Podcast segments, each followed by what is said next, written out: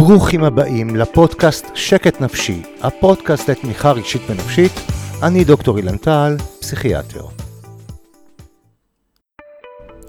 שקט נפשי הוא פודקאסט שמטרתו לחלוק איתכם גם ידע, אבל גם לתת לכם כלים לשיפור איכות החיים והבריאות הנפשית כדי לחיות טוב יותר. לכל אחד הזכות לשקט בנפשו, ובכל פרק נפגוש מומחים, חוקרים ומטפלים שונים מתחום בריאות הנפש, פסיכולוגים, פסיכיאטרים ופסיכותרפיסטים. ואני שוב שמח לארח כאן את ענבל חזקיה, הפסיכולוגית הראשית במרכז דוקטורטואל של פסיכולוגית קלינית וגם המנהלת שלנו. שלום ענבל. שלום אילן. והפעם זה נושא שבאמת, אני לא יודע כמה אנשים יכולים לדבר עליו, בחלק המקצועי, שזה רווקות מאוחרת. אני רוצה קודם כל לשאול אותך, כאילו, אמ, אה, איך בכלל קובעים מה זה רווקות מאוחרת בכלל? זאת אומרת, מתי מתחילים להגיד, מתי הדבר הזה מתחיל לעלות בראש של בן אדם, או של המשפחה, או של, כאילו, מה זה טיפה? שאלה מצוינת, אבל לפני זה נעשה disclaimer קטן, ונגיד שרווקות זה צורת חיים לגיטימית. שמי שבוחר בה ומעדיף uh, להישאר רווק, אנחנו לא טוענים שזו בעיה פסיכולוגית. Uh, אנחנו מדברים על רווקות מאוחרת, כשאנחנו מדברים על אנשים שרוצים זוגיות, כמהים לזוגיות ולא מצליחים לייצר את הדבר הזה. אה, כי יש אנשים שפשוט, זה, זה, ככה זה מתאים להם בחיים. נכון, okay. אוקיי. נכון. והפודקאסט הזה לא, לא מיועד אליהם. Okay. אוקיי. אם טוב להם ככה, אז אנחנו לא, לא, לא מתערבים בזה. כן.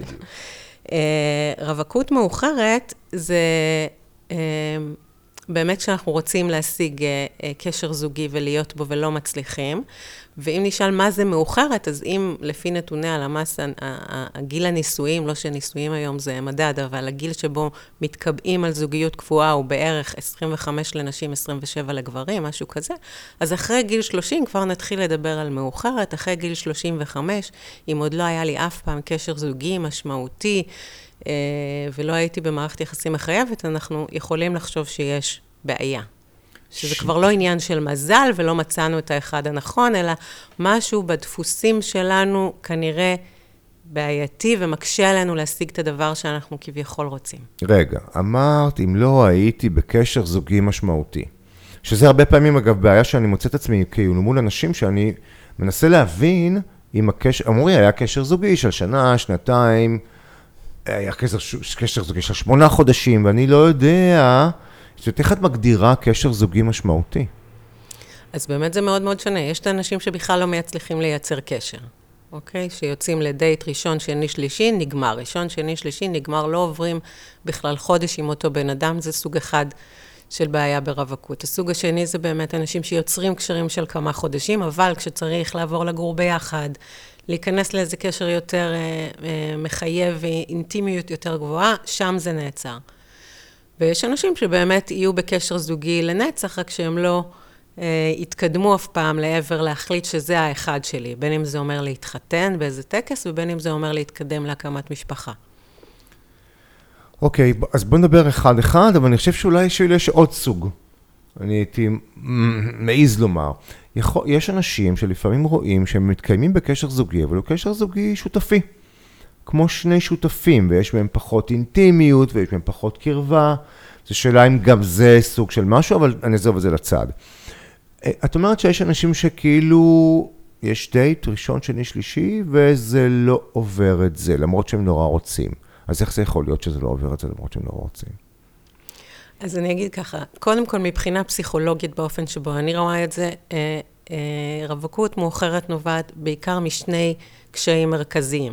וזה שונה באמת הרווקים שלא מצליחים ליצור קשר, או אלה שאתה אמרת, שיוצרים קשר אבל לא נכנסים לאינטימיות.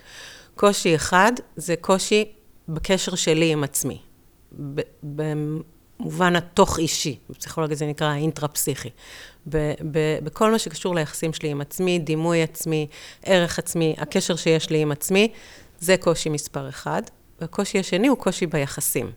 קושי ביכולת להיות באינטימיות ולהיות בקשר עם האחר. אז תבחר אחד ונצלול אליו. מה זאת אומרת, כן, קושי בקשר שלי עם עצמי, שזה משהו שאנחנו מדברים עליו הרבה כאנשי מקצוע, אבל אנשים מבחוץ קצת אה, לא מבינים על מה אנחנו מדברים. אוקיי, okay, אמ, המון אנשים מסתובבים עם הרגשה שהם לא מספיק טובים, אוקיי? מה כבר יש להם להציע? אה, אצל חלק זה יושב על דברים טכניים. אני לא מרוויח מספיק, אני עדיין גר עם ההורים, המורה החיצוני שלי הוא לא מה שהכי מלבב ומקובל. אה, זה יכול להיות סיבות שקשורות לרווקות עצמה, לא היה לי מספיק ניסיון עם גברים, נשים, אה, לא היה לי מספיק ניסיון מיני, ואז נהיה פה מין גלגל, כי אם לא תצבור ניסיון אז גם לא יהיה ניסיון, ואז זה רץ לאורך שנים. אה, יכול להיות אנש, דברים רגשיים או התנהג, התנהגותיים, אנשים לא שלמים עם דברים מסוימים בתוכם. אני לא מספיק מעניין, אני כבדה מדי, אני מדי דומיננטית, אני מאיימת על גברים, אני טוב לב מדי, נשים אוהבות בד uh, בויז ולא גברים כמוני. Uh, כל מיני דברים שיושבים על הערך העצמי, ואנשים פשוט מרגישים שהם לא ראויים לאהבה. הבנתי, ואני אאתגר אותך. עד כמה שאני מסכים עם כל מה שאמרת. אוקיי, ואם אני מטר חמישים, אז אני נמוך. אז אני, אז אני נמוך, מי תרצה אותי? מי, מי רוצה גברים נמוכים? אז זהו, שלכל סיר יש מכסה. וגם גברים נמוכים מתחתנים, גם נשים שמנות מתחתנות, גם אנשים משעממים מתחתנים. זה לא תלוי ב... מה אתה מבחינה אובייקטיבית. זה רק תלוי מה אתה חושב על עצמך מבחינה סובייקטיבית, ואם אתה מאמין שאתה ראוי לאהבה וראוי לקשר אה, זוגי. הבנתי. אז כאילו, את אומרת, ביחסים עצמנו, אם אנחנו לא מרגישים ראויים לאהבה, כי בעצם אנחנו אה, אה, כאילו מוגבלים ביכולת לאהוב או לקבל את עצמנו as is, אז ברור ש... סליחה, אם אני בא לקשר זוגי שאני לא מרגיש ראוי לאהבה, מה הבעיה עם זה? יאהבו אותי בחוץ. זה, זה, זה הכי קלישאה שיש, אבל מי שלא אוהב את עצמו, לא יאמין שיוכלו לאהוב אותו. לא, לא, אני מאמין, אני לא... ולא ייתן סיכוי שזה יקרה. שנייה, אני מאמין שאני לא אוהב את עצמי, אבל היא תאהב אותי. זה לא קורה. לא. למה? למה זה, אני יודע שזה לא קורה, אבל למה? קודם כל, האנשים האלה מגיעים לתוך הדייט או לתוך התחלת קשר כבר במינוס. כן? הם כבר מרגישים שהם צריכים להתנצל על משהו, או להסתיר משהו, או, או, או, או שהם מתחילים איזו נקודה שהם לא באים לכבוש, או לא באים אטרקטיביים, או לא באים מספיק כאילו ל, ל, לחיזור הזה שצריך, או לה, הם מציגים את עצמם מראש עם החסרונות, או עם איזה, אה, או שהם מנסים להחביא את החסרונות, אבל הם כל הזמן מפחדים שיגלו את החסרונות מאחורה. ומשהו בהם לא בא לפגישה פתוח. הם באים מאוד לחוצים, אה, עם ביטחון עצמי מאוד נמוך, הרבה פעמים גם יריצו את הדייט רק כשהוא ייגמר, ושיגמר להם כבר הסיוט הזה. הם לא באמת באים להיכרות, כי הם לא כל כך רוצים שיכירו אותם, כי אם יכירו אותם, אז יגלו מה לא טוב בהם, ואז, כן, ואז הם מסובכים בתוך הדבר הזה. הדבר שהם הכי רוצים, הם גם הדבר, למרבה הצער, שהם הכי מפחדים ממנו. הבנתי. ואז בעצם נוצר מצב שלמרות שכאילו אני נורא רוצה לקבל איזה סוג של אהבה או משהו מבחוץ, אני לא מצליח לקבל את זה כי אני בכלל לא מרגיש שזה, שזה אמיתי. שזה אפשרי. שזה יכול להיות. ואמרת שיש אנשים שיש להם קושי ביחסים הבין-אישיים. למה את מתכוונת? נכון. אה, פה אנחנו אה, צריכים להיכנס למה שנקרא דפוסי התקשרות. אה, ואיזה דפוסי התקשרות יש לנו. אנשים, עם האחר. עם האחר. אנשים עם דפוס התקשרות בטוח, ידעו שלהיות בקשר עם מישהו אחר זה הדבר נהדר. מקשיבים לי, מכילים אותי, אם אני עצוב מעודדים אותי, אם אני בטוב מפרגנים לי. קשר זה דבר טוב, וקרבה זה דבר מחבר ומאחד ונעים, ואינטימיות פיזית זה בכלל דבר גדול, והכול טוב. אבל יש אנשים ש...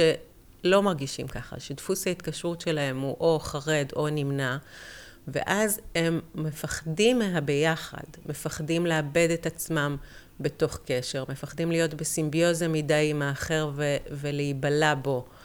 אה, מפחדים שהם יאבדו את עצמם ואת מי שהם, ו- והקשר יסחוף אותם לאיזה מקומות שהם פתאום כבר לא יכירו את עצמם בתוכו. אבל ענבל, תמיד בקשר יש איזשהו פחד מהביחד, גם בקשר טוב, רבים. אז לפעמים אני אומר לעצמי אפילו, טוב, אני רוצה להיות וזה, אבל עכשיו אני אבוא הביתה, והיא תגיד לי כל מיני דברים, או ההפך, ויהיו הילדים, ונריב על זה ועל זה ועל זה ועל זה, אז אני צריך, אני, אני מפחד מהקשר, אני מפחד מה יהיה. אין ספק שקשר זה דבר מורכב, וקשר משפיע עלינו ומעצב אותנו ומאתגר אותנו. אה, בן אדם עם התקשרות אה, בטוחה יראה בזה משהו אה, באמת חיובי, כמו שאמרתי, בשפה של אתגר, בשפה של משהו שמצמיח אותי. אם רבים, אז אוקיי, יש לי יכולות תקשורתיות גם, גם להתפייס אחרי זה, וההתפייסות היא הרבה פעמים נעימה. ורואים את, ה, את הריבים או את הקשיים כחלק ממשהו שמרכיב קשר, שבגדול קשר זה דבר טוב. אנשים עם התקשרות נמנעת, הדיפולט שלהם הוא הלבד. אוקיי? הם נורא נורא רגועים ושקטים בלבד שלהם. הביחד הוא, הוא מאיים עליהם באופן אחר, שמישהו פתאום ייכנס לחיים שלי ויסיט אותי ממסלולי. אה, אנשים עם קשר אמביוולנטי, אה, חרד אמביוולנטי, הם, הם בכלל בדילמה, כי לא טוב להם לבד ולא טוב להם ביחד. הלבד בודד להם מדי, הביחד חונק להם מדי, לא טוב להם בשום סיטואציה. והם אף פעם לא שקטים. זה רוב האנשים שאני שומע שיש להם בעיות בקשר. תקשיב, אני נורא רוצה, ואז אני נכנס לקשר, ואז היא חונקת אותי. רוצה להתחתן, רוצה ילדים, רוצה זה, רוצה זה, זה כבר צריך אוויר, מתרחק. מתרחק, חסרה לי. חוזר אליה אפילו לאותה אחת. הלוך חזור, הלוך חזור, הלוך חזור. נכון. ככה זה נראה. ככה זה נראה. וכאילו, את אומרת שזה דפוס קשר טיפה אחר, שהוא דפוס קשר אמביוולנטי? את יכולה להסביר את זה? כן, זה דפוס התקשרות אמביוולנטי, שהביחד הוא לא טוב והלחוד הוא לא טוב. עכשיו, הבעיה היא שאנשים בדרך כלל, שנתקלים ברווקות מאוחרת, הם אנשים שמחפשים את הפתרון באחר. אוקיי? אני צריך שהוא יהיה אחר, ולא חוש... לא מבינים שהבעיה, או הפתרון יותר נכון לסיטואציה הזאת, היא בעצמם. אחד, אני צריך להיות עם ביטחון עצמי. ולהרגיע את עצמי, ולהיות עם עמוד שדרה ולדעת שלא משנים אותי כל כך מהר, פחות להיבהל מזה. ושתיים, להיות עם ביטחון בין אישי מספיק גדול ועם מיומנויות תקשורת, שאני אוכל לדבר את עצמי, להבהיר את הצרכים שלי, לשמוע את הצרכים של הצד אחר, לעשות משא ומתן. גם המישור התוך אישי וגם המישור הבין אישי, נורא חשוב לעבוד עליהם בשביל בכלל היכולת להיות בקשר. עכשיו מוטטת את רוב השירים אה, שיש בעברית או באנגלית על זוגיות. אז מה שאת אומרת בעצם, אין את האחת או האחד. אין את האחת או האחד. אין בלעדייך אני חצי בן אדם, בלעדייך אני בעצם כלום. נכון, אין. אנחנו צריכים להיות שלמים בעצמנו, לחפש עוד מישהו או מישהי שלמים בעצמם, וביחד ליצור קשר של תקשורת הדדית. זאת אומרת שבעצם... לכל אחד מאיתנו היו יכולות להיות, היו יכולות מערכות קשרים מוצלחות עם הרבה אנשים אחרים. נכון מאוד. היכולת להיות בקשר היא יכולת של האדם. אם יש לו את הרכיב הזה, זה כמו חלק בפאזל. אם יש לי את הרכיב הזה של השקע, אני אמצא את הצד של התקע שיתחבר אליי, ויכולים להיות כמה כאלה מתאימים. אז, אז בוא, בוא נתקדם טיפה עם זה. אם ככה, זה קצת מוציא את כל ה... עוקץ כיף מכל מה שחלמנו עליו בסיפורי דיסני. אם, אנחנו בעצם, אה, לפי מה בוחרים, אם הוא לא הפרינס צ'ארמינג או היא לא נסיכת החלומות, אז איך בכלל אנחנו בוחרים משהו? זה אפילו כאילו, את אומרת, אה, אתה, מגיעים לרווקות מאוחרת, כי לא מתפשרים על המציאות שיש. במציאות שיש, היינו יכולים לעשות הרבה דבר, הרבה קשרים עם הרבה אנשים, וכולם היו, טוב, לא, לא הכוכבים והנצנוצים, אלא קשרים. אתה אומר מילה נורא נורא חשובה בהקשר של רווקות מאוחרת, והיא המילה מתפשרים. והרבה פעמים מאשימים רווקים באמת בבררנות יתר, ואומרים להם שהם בררנים מדי. אז האם זה נכון או לא נכון? כן, אבל. אוקיי. Okay. זאת אומרת, רווקים הם כן בררנים מדי, אבל הם בוררים לא את הדבר הנכון. הם באמת מחפשים את הפרינס צ'ארמינג, אה,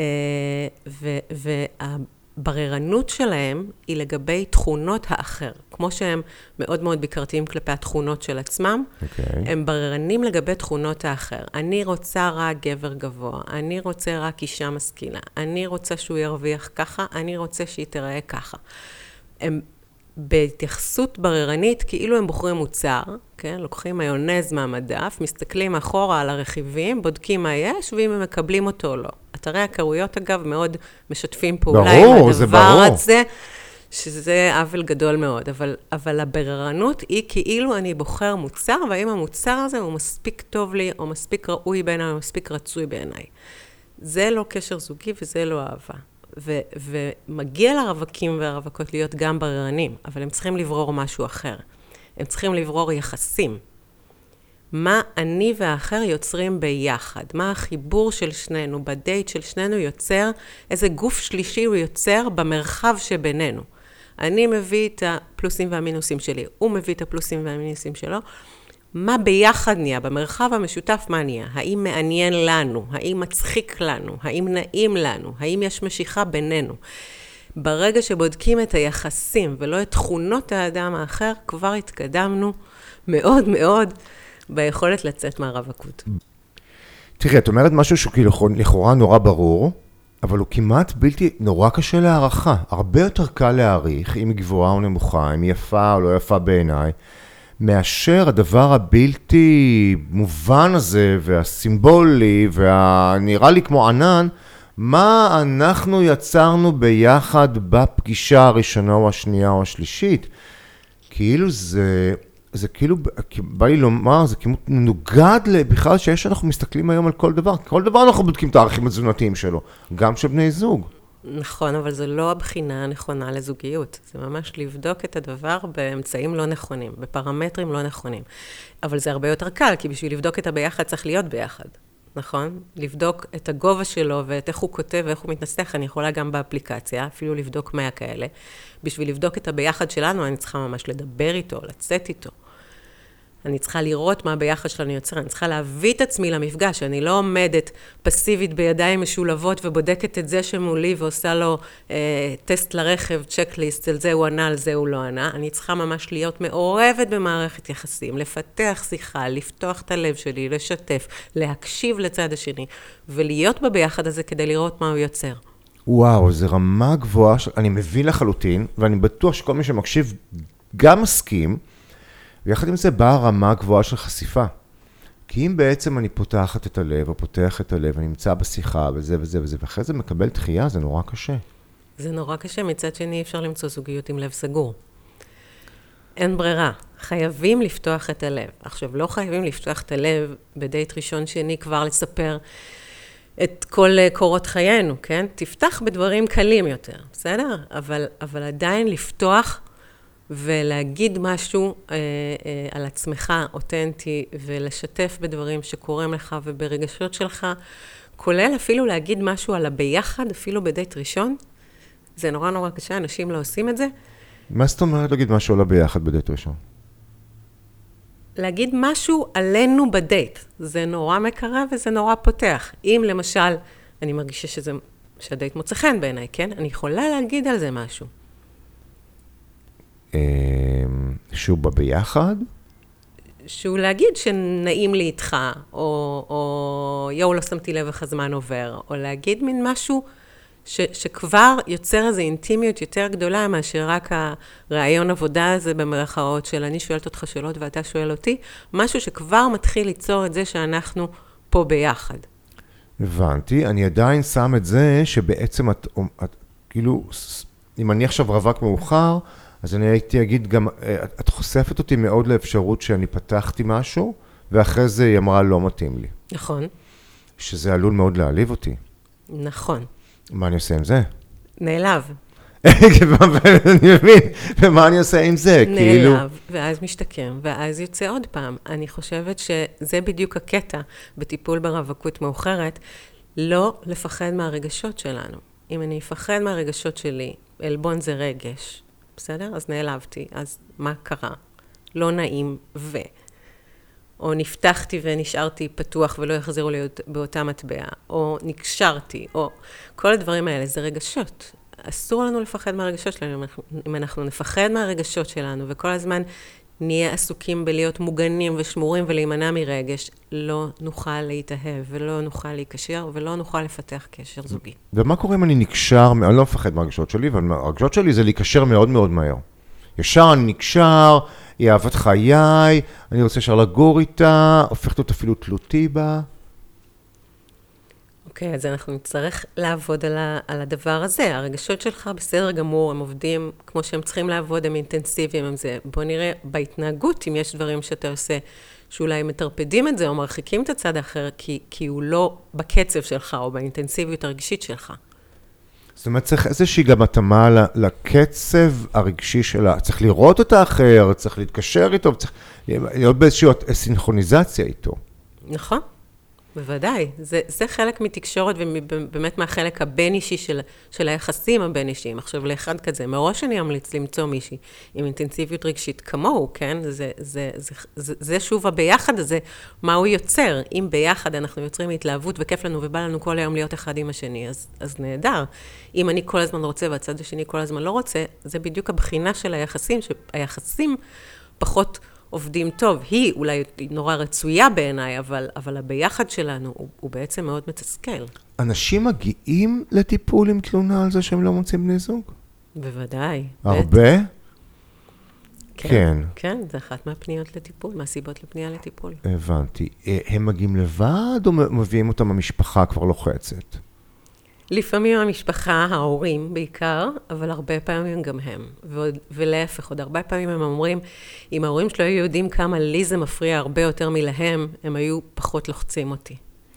ואנשים כאלה מצליחים לעשות שינוי כשהם רואים את זה? כי את אומרת דברים, אה, את יודעת, שמשנים ממש את הנרטיב, כי, הנר... כי הרבה פעמים אנשים יגידו עם נרט... מגיעים עם נרטיב, אבל אני, אני לא מצליח למצוא את זאת שמתאימה לי, ואת אומרת משהו אחר, הרבה יכולות להתאים לך דווקא. נכון, נכון, זה נרטיב אחר לגמרי. וזה כן משתנה בטיפול, ואנשים מתחילים לראות את הדפוסים שלהם ואיך הם אפילו מחבלים לעצמם או לא מאפשרים או מונעים קשר בלא מודע, כן? זה לא שהם עושים שום דבר בכוונה. אבל, אה, אבל כן, זה, זה משתנה בטיפול, ואנשים מתחילים לראות שהם יוצרים קשרים יותר משמעותיים ו, ומוצאים זוגיות או אפילו מתחתנים. זה כן, נגיד שזה טיפול ארוך. זה לא טיפול קצר. שיחתי, רגשי. שיחתי, רגשי, כן. שמה עושים, הייתי טיפה קצת מה עושים בטיפול הזה. כאילו, מה, מה, למה זה משנה? כאילו, אנחנו בא ומדבר עם מישהו, אז איך זה משתנה? קודם כל, הטיפול עצמו הוא קשר. אוקיי, על זה מבוסס טיפול. אנחנו רואים גם בקשר של הטיפול איזה דפוסים עולים ביחסים מול המטפל. כל מה שדיברנו, היכולת להיחשף, היכולת לתת אמון, היכולת לפתוח את הלב, איך זה שם. אנחנו נכנסים ליחסים המוכרים לו מלידתו ועד היום. גם איזה מודל זוגי הוא ראה בבית, מה ההורים לימדו אותו על יחסים ועל נישואים ועל קשר זוגי, איזה אה, מודלים אחרים יש לו של חברים, איזה קשרים היו לו עם, עם קבוצת השווים שלו לאורך השנים, כן? זה מישהו שעשו עליו חרם, זה מישהו שהיה רגיל להיות מלך הכיתה, זה... זה, היו לו הרבה חברים, היו לו קבוצה קטנה של חברים, הוא סבל נורא מבדידות. כל הדבר הזה, מה אני יודע על עולם היחסים ועולם קשר אנושי בבני אדם. אה, ואחרי זה אנחנו נשמע את סיפורי הקשרים הזוגיים שהיו לו, הדייטים הכושלים שהיו לו, ונראה דפוסים משותפים. אם הם באתרי היכרויות, אנחנו נעבור איתם גם על האתר, נראה מה הם כותבים על עצמם, איזה תמונה הם בוחרים של עצמם, איך הם מציגים את עצמם. אה, אנחנו נעשה קצת סימולציות לאיך הם עוברים בדייטים, מה הם מספרים ואיך הם מתנהגים. ואנחנו לאט לאט נאתר את כל הכשלים ו- ונשקף להם את זה. אנחנו כמובן לא מכריחים לעשות שום דבר, אבל uh, אנשים מגלים לתוך כדי הטיפול, נהיים יותר מודעים לעצמם, גם למה הם חושבים על עצמם, גם למה הם מביאים לתוך קשר, ולומדים לסגל דפוסים יותר אדפטיביים של ההתקשרות הבין-אישית שלהם. ענבל חזקיה, פסיכולוגית קלינית, הפסיכולוגית הראשית של מרכז טל, אני מודה לך מאוד. תודה רבה, אילן. ותודה רבה לכם שהקשבתם, ואנחנו נשוב בפודקאסט הבא.